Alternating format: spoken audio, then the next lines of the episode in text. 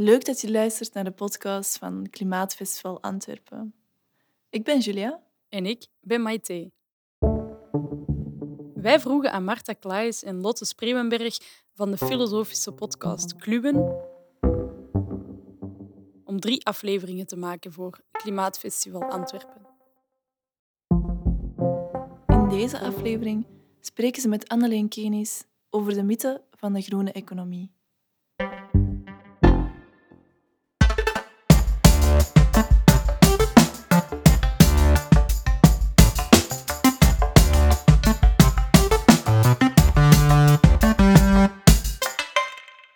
Steeds meer NGO's, bedrijven en politieke partijen vinden elkaar rond de slogan van de groene economie. Een bamboetandenborstel, herbruikbare rietjes en shampoobars zijn niet weg te denken uit de klimaatbewuste kast. Duurzaam consumeren wordt voorgesteld als de sleutel naar een groenere toekomst. Maar is dat wel zo? Anneleen Kenis wil die mythe weerleggen. Anneleen is als onderzoekster van het FWO verbonden aan het departement Aard- en Omgevingswetenschappen van de KU Leuven. Samen met Matthias Lievens schreef ze De mythe van de groene economie.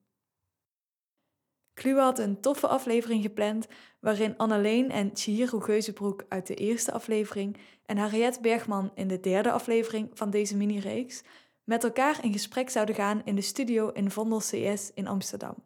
Maar de coronacrisis gooide goed in het eten en het internationale werkveld van Kluwe werd plots in tweeën gesplitst, waardoor we de Nederlandse en Vlaamse gasten apart moesten ondervragen. Marta pakte vanuit Antwerpen de trein naar Gent en schoof bij Anneleen aan de keukentafel.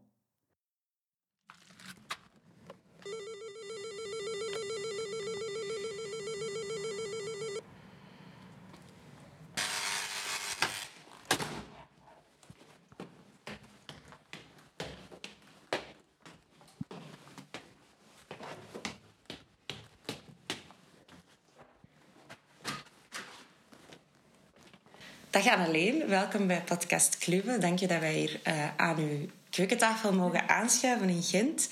Er wordt tegenwoordig heel erg ingezet op dat groen consumeren. Enkele weken geleden las ik zelf in een, in een mainstream krant uh, nog een recensie van verschillende shampoo bars uh, die je dan tussen de 6,99 euro en de 14,99 euro of zoiets kan kopen. En de journalisten uh, had ze dan allemaal uitgetest. Yeah. Het idee dat je meewerkt aan een groene planeet door op een bepaalde manier te consumeren, wordt heel erg in de kijker gezet. Klopt dat idee volgens jou? Onze boeken noemden inderdaad de mythe van de groene economie. En daar willen we eigenlijk al die ficties waarop het idee van de groene economie gebaseerd is, ja, willen we in vraag stellen. Mm -hmm. Willen we ergens uh, daar um, kanttekening bij plaatsen. Dus wij geloven, en als ik hierover wijt, dan heb ik het over mezelf en Matthias Lievens, die mijn co-auteur was op dat moment van het boek. Wij geloven niet in het idee dat je bijvoorbeeld klimaatverandering kan tegengaan door um, ja, het een soort van illusie van een groene economie. En dan de groene economie bedoelen we een groen kapitalisme. Mm. Of een um, groen kapitalistische economie. Je hebt natuurlijk mensen die met de groene economie iets heel anders bedoelen. Die eigenlijk een totaal andere economie beginnen. Dat is een, dat is een ander verhaal. Maar ja. de groene economie zoals die vandaag bijvoorbeeld naar voren wordt geschoven door Europa, door de Groene Partij, daar denken we dat die heel erg op een aantal ficties gebaseerd is. En we stellen dus vragen bij dat duurzaam consumeren, maar ook bijvoorbeeld bij het emissiehandelssysteem, bij CO2-taxen, hoewel we daar ook in zekere opzicht voor zijn. Mm -hmm. Maar dus eigenlijk, we denken dat er bij die logica, dat je daar eigenlijk heel veel um, ja, vraagtekens ja. kunt zetten. Of dat ons effectief gaat helpen om die klimaatverandering tegen te gaan. Ik gebruik hier klimaatverandering als het type voorbeeld van de, het ecologische probleem waar we vandaag voor staan. Maar zijn uiteraard ook andere ja. ecologische problemen. En natuurlijk in de mate dat we op die manier in slagen om dat tegen te gaan, wat daar de consequenties van zijn, wie, wie daar de prijs van gaat betalen. -hmm. Of wat de effecten zijn op het vlak van de sociale rechtvaardigheid enzovoort. Ja, want dus, in het, de ondertitel van jullie boek begint met het woord uh, valstrik. Ja. Dus valstrik verzet alternatieven. Ja. Kan je iets zeggen over wat je dan bedoelt met die valstrik? Uh, ja, dus wij denken dat de groene economie, of de groene kapitalistische economie, fundamenteel gebaseerd is op ficties, op illusies. Heel vaak dat wil niet zeggen dat iedereen, dus er is zeker een grote groep mensen die oprecht gelooft dat we er op die manier gaan komen. Maar daarnaast is er ook een grote groep mensen die dat heel strategisch Mhm. inzet. En we moeten ons daar bewust van zijn. Dus de klimaatpolitiek, zoals we die vandaag kennen, die komt niet uit het hoofd van een, een groepje onafhankelijke denkers in de mate, of denksters in de mate dat dat al zou bestaan, die samen op de tafel hebben gezeten en gedacht hebben, wat zou nu de best mogelijke manier zijn om die klimaatverandering tegen te gaan. Je hebt een heel spel dat gespeeld wordt van mensen met verschillende belangen die die klimaatpolitiek zoals die vandaag vorm krijgt, probeert te beïnvloeden en die er alle belang bij heeft om het op een bepaalde manier vorm te geven. En wij denken dat de groene economie één, soms meer gaat over het economiseren van het groene gedachtegoed dan over het vergroenen van de economie. En dat het twee, de klimaatverandering niet gaat tegengaan om het nu weer op het klimaat te focussen. En dan denk ik dat het belangrijk is om te zien, dus enerzijds, allee, klimaat staat nu heel hoog op de politieke agenda, vooral op, op, op Europees niveau. Uh, dat, is een, dat, toont het gigantisch succes van de groene beweging, van de, de milieubeweging, de ecologische beweging. Dat is eigenlijk echt ongelooflijk dat we erin geslaagd zijn om dat thema zo prominent te maken, dat er daar nu op Europees vlak echt centraal oog voor is. Maar langs de andere kant, de invulling die er vandaag aan gegeven wordt, is helemaal niet de invulling waar oprechte ecologisten voor stonden. En dat is natuurlijk omdat mensen het op die manier proberen te herframen dat het hun eigen bedrijfsvoering bijvoorbeeld niet onmiddellijk in gevaar brengt. En we moeten ons bewust zijn van het feit dat dat een spel is dat daar gespeeld wordt.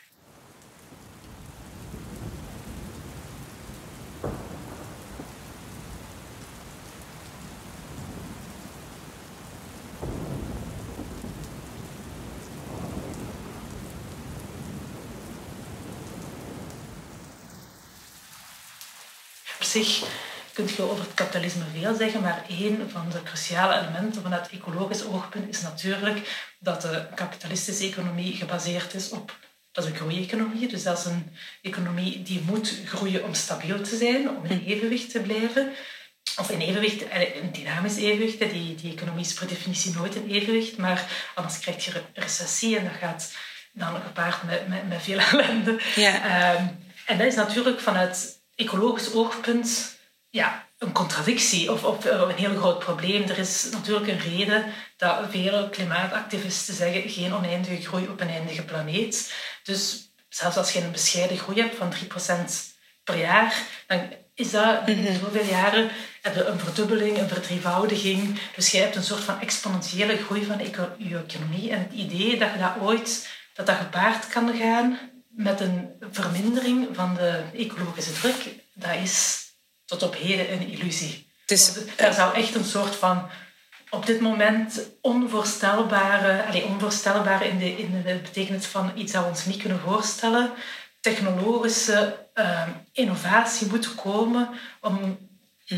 te kunnen zorgen dat je economie verder kan groeien en tegelijkertijd die in die mate ontkoppeld wordt van haar um, ecologische voetafdruk, om het zo te zeggen, dat een stijgende, uh, dat een uh, economische groei niet meer gepaard gaat ja. met een, eco een, stijgende ecologische druk. Ja. En dat is op dit moment kunnen we ons dat niet voorstellen. Dus er is een zekere ontkoppeling die plaatsvindt. Dat wil zeggen dat, er, dat de ecologische druk relatief gezien minder wordt um, in verhouding tot de groei, maar het neemt wel nog altijd toe. Mhm.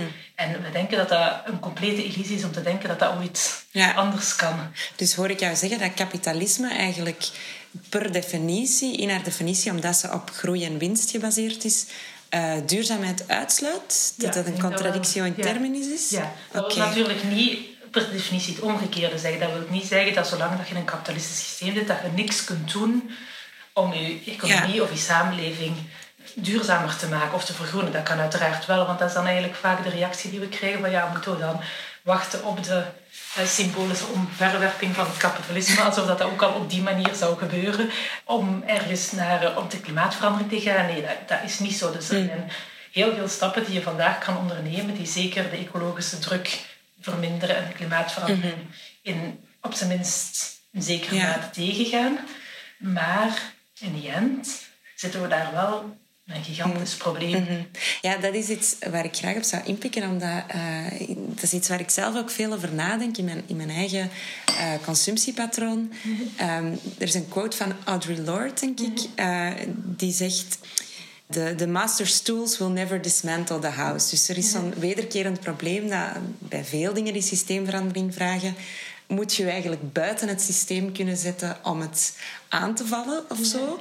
Anderzijds denk ik dan altijd bij die quote van Lorde, ja, maar uh, er zijn wel heel veel drempels om je daar zo buiten te zetten. En, en vaak word je dan als een soort outcast weggezet. Nee.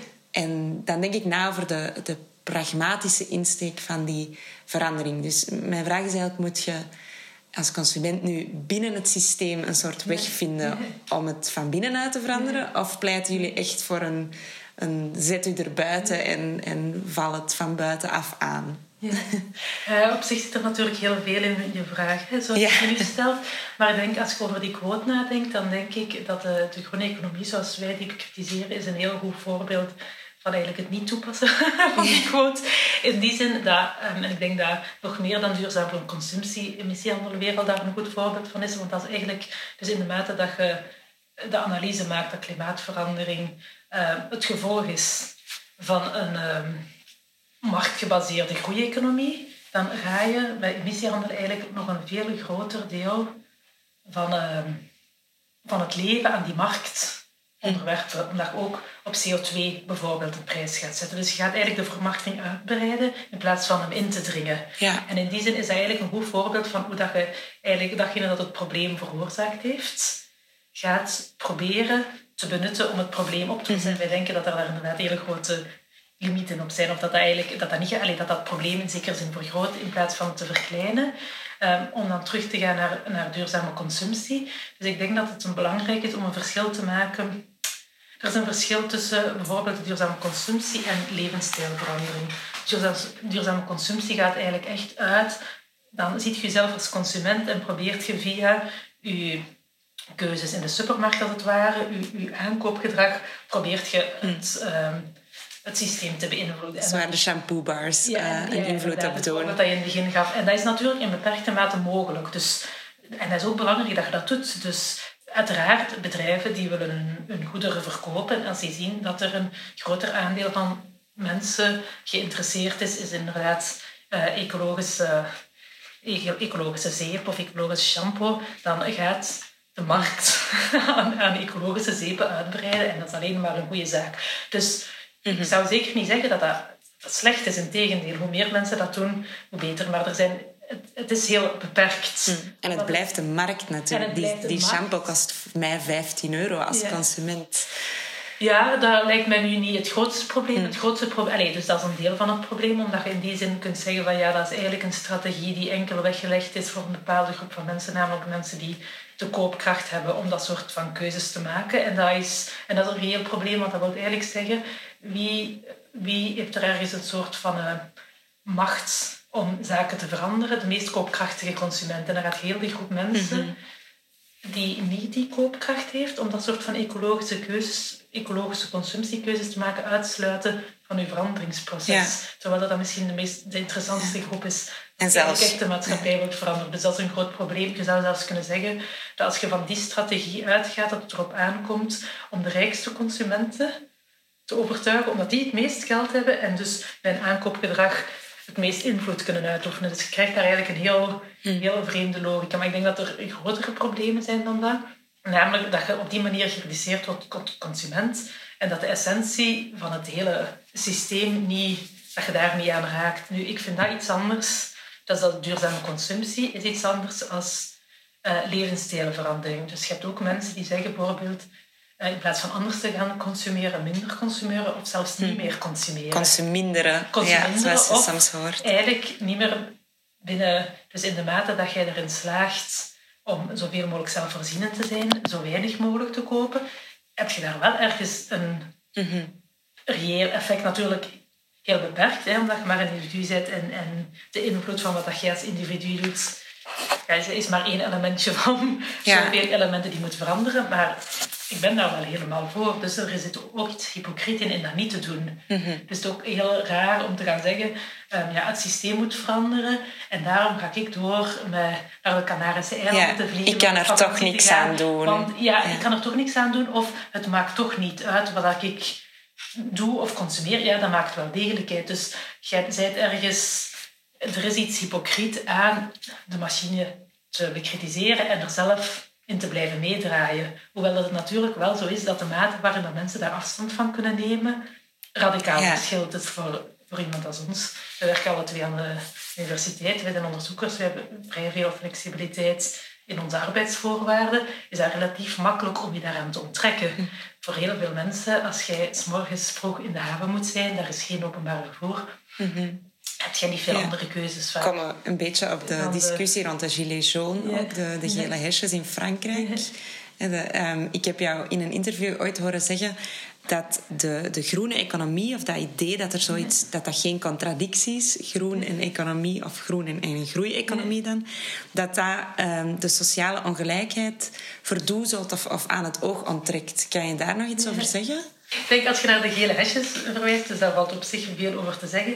Maar een van de dingen die ze daar hebben gedaan, is eigenlijk een, een maatregel om de, stads, eh, de staatskas te spijzen, verkocht als een ecologische maatregel. En mensen... Wat is die maatregel weer? Ja, je dat dan een verhoging van de, van de brandstofprijzen. Ja.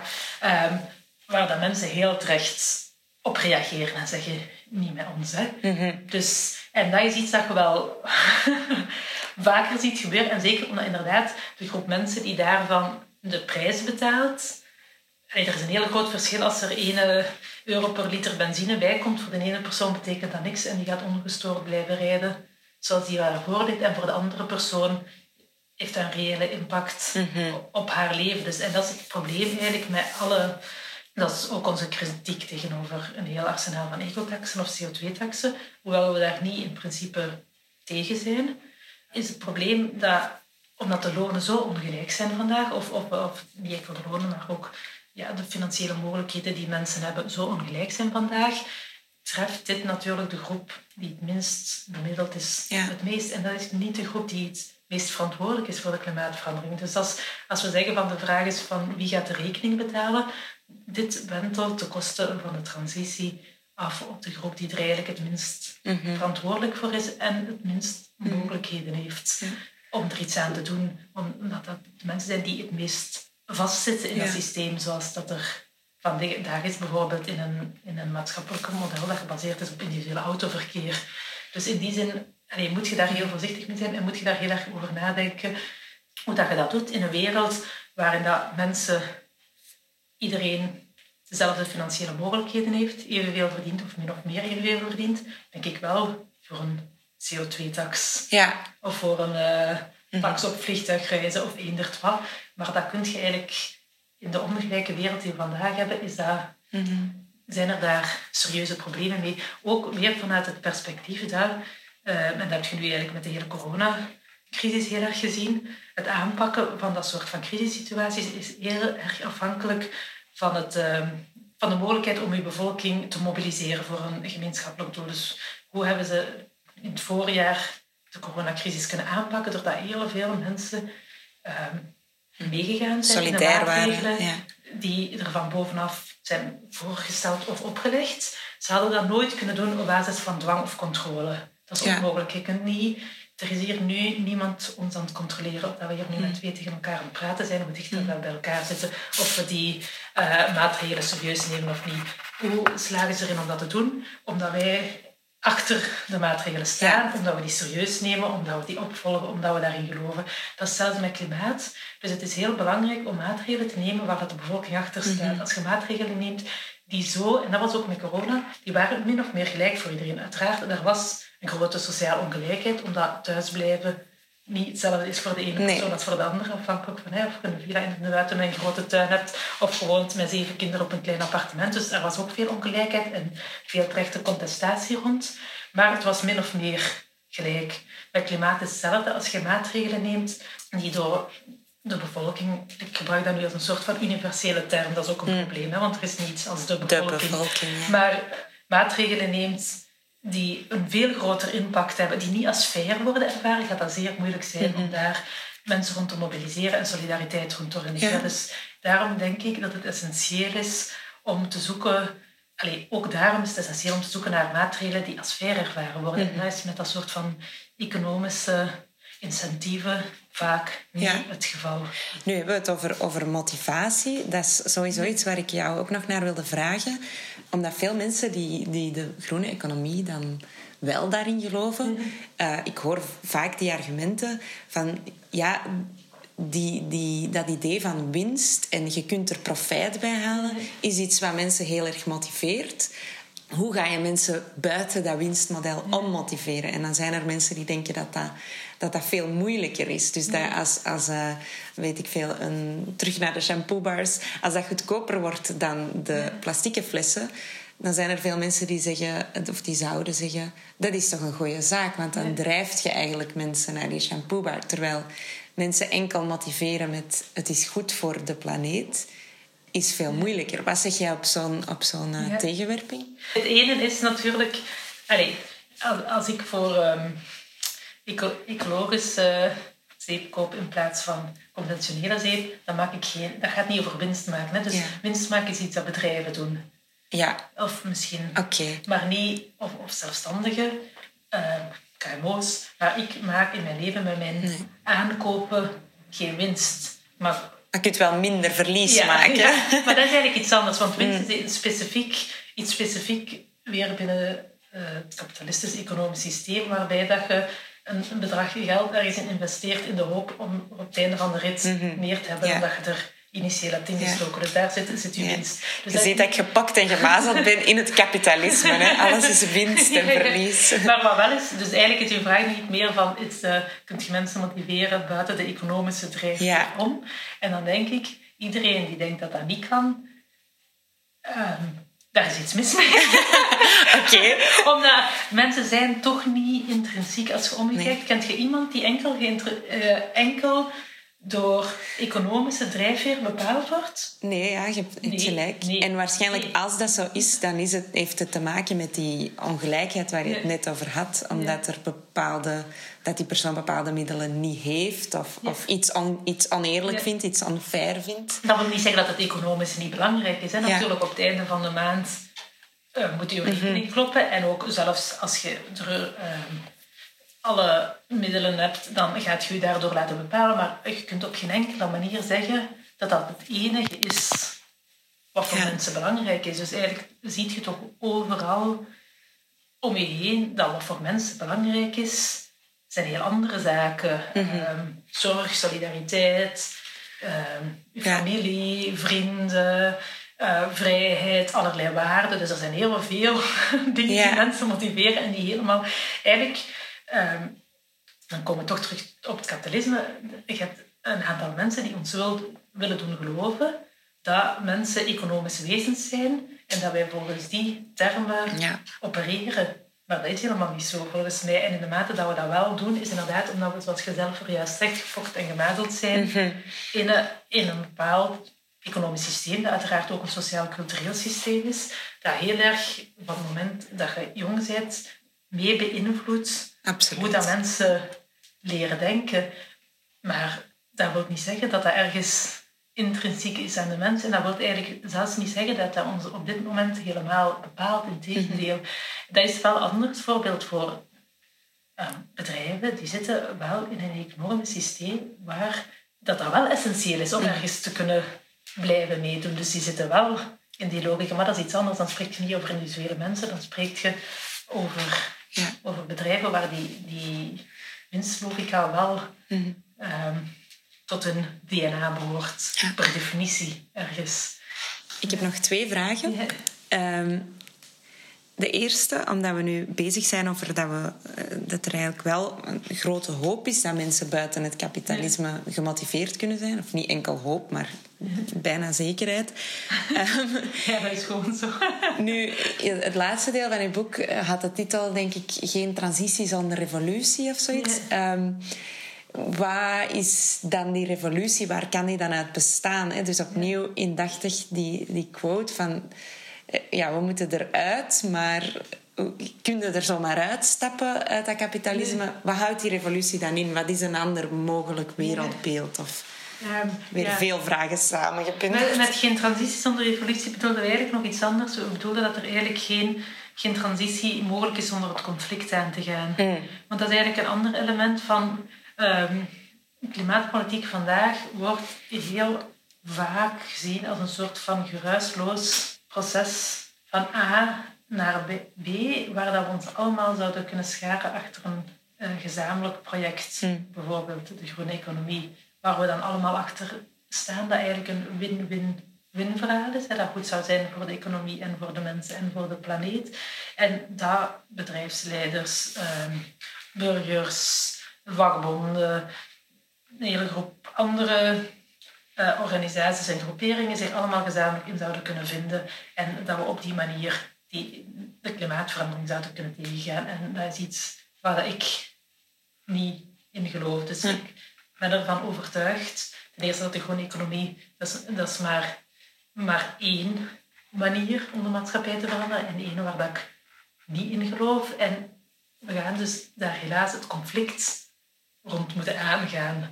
Dus het idee dat er een soort van gezamenlijke... Eigenlijk zit er daar iets interessant en ook paradoxaal in. Namelijk, eerst wordt er één project naar voren geschoven als...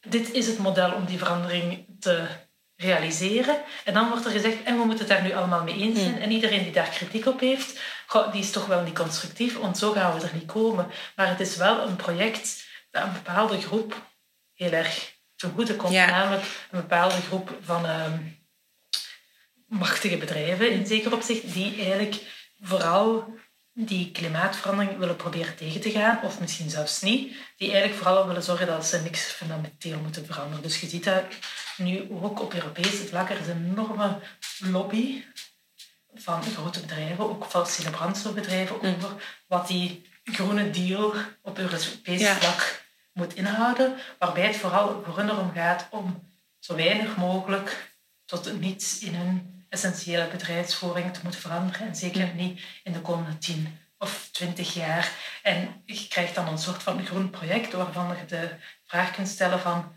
gaat het wel werkelijk iets veranderen? En in de mate dat het doet, dat doet weer al wie bepaalt. Wie, bet- wie betaalt de prijs. Ja.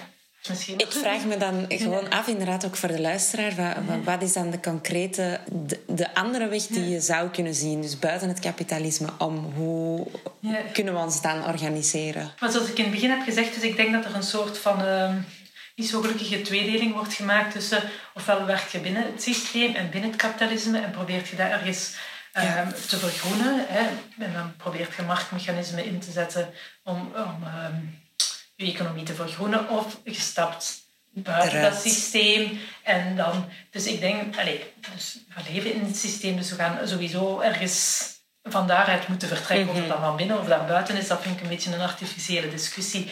Maar je kunt, ik denk wel dat het essentieel is om, om, om stappen te nemen die tegen die logica ingaan.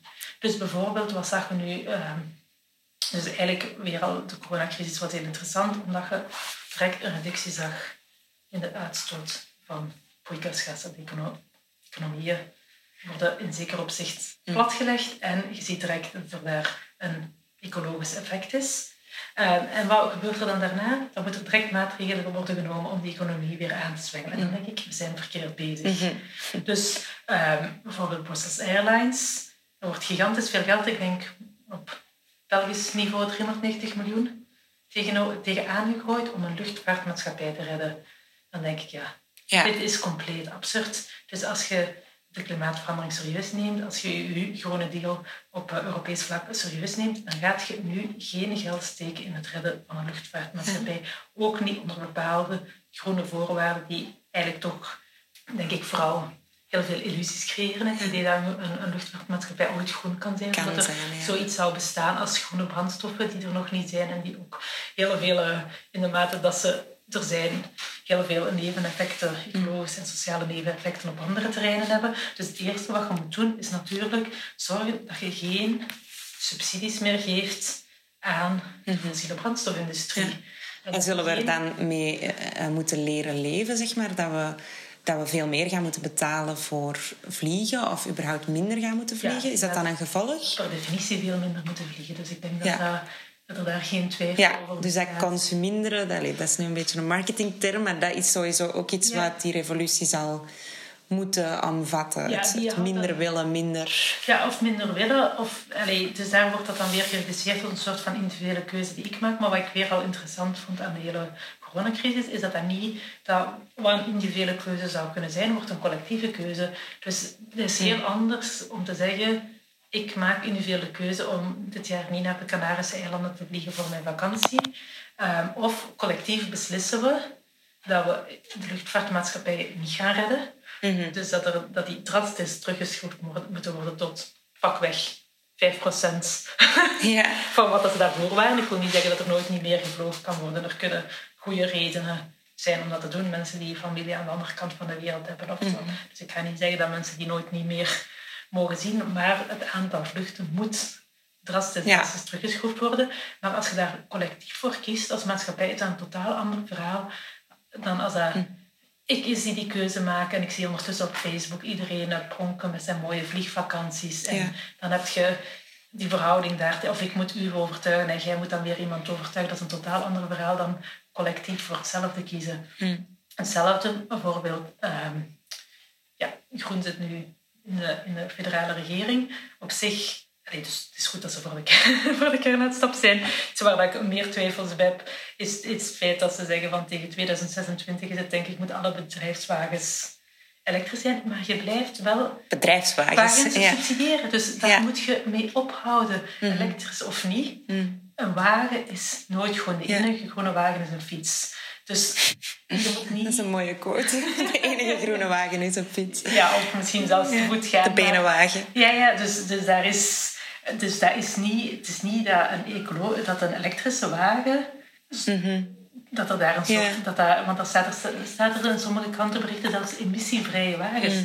Maar die wagens zijn helemaal niet emissievrij. Dus enerzijds de productie van die wagen zorgt voor een enorme uitstoot mhm. van broeikasgassen. Een enorme hoeveelheid materialen nodig. En bovendien moet die elektriciteit ergens geproduceerd worden. En we slagen er nog niet in om de elektriciteit die we vandaag ja. verbruiken als land om die op een ecologische hernieuwbare wijze te produceren. Laat staan als daar nog een heel arsenaal aan extra, een hele mm. hoeveelheid elektriciteit bij komt, die we nodig hebben om die elektrische wagens te laten rijden. Mm. Dus dan zijt je allebei al nog steeds subsidies aan het steken in iets dat fundamenteel onecologisch is. En als, in die zin zeg ik zo de discussie van ja, moeten we binnen het kapitalisme of buiten het kapitalisme opereren? Is er een, een strategie tegen de klimaatverandering mogelijk binnen het kapitalisme. Dus ik denk dat dat eigenlijk wel een abstracte discussie is voor mensen die daar wel een keer theoretisch of mm. filosofisch over willen nadenken. En dan sta ik zeker aan de kant van de mensen die zeggen, ja, in die end potstaat kapitalisme fundamenteel mm. Met een sociaal-ecologische, sociaal gelijke ecologische maatschappij. Maar als je gewoon hier en nu kijkt, gaat dat heel concreet over welke maatregelen worden er genomen.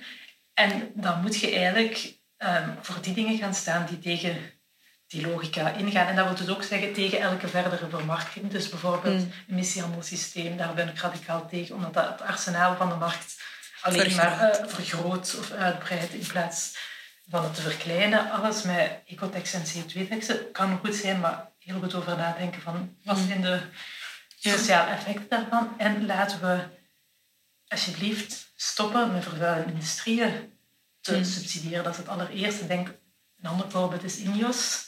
Nieuwe fabriek in de haven van Antwerpen. Ja, er is heel veel sociaal rond te doen. Hè? Ja. Ineos must fall. En... Vlaams geld. Ja. Maar terecht, terecht. Dus hoe kun je enerzijds je ergens insluiten in een zogenaamd groen plan om de economie op een groene manier te stimuleren. Anderzijds fundamenteel vervuilende bedrijven mm -hmm. subsidiëren. Dus dat begrijp ik niet. Dan zijt je zelf Um, aan het bedatten. Jezelf of de mensen rondom je natuurlijk.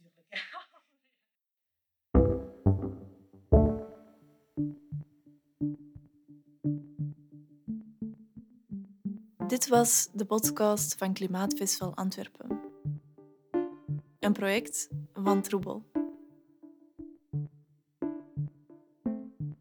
Ontdek ook de andere afleveringen van Kluwe op je favoriete streamingplatform.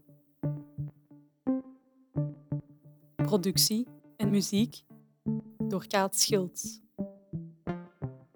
Beeld door Design Studio Catapult. Dank aan 1111 en de burgerbegroting van het district Antwerpen om deze podcast mee mogelijk te maken.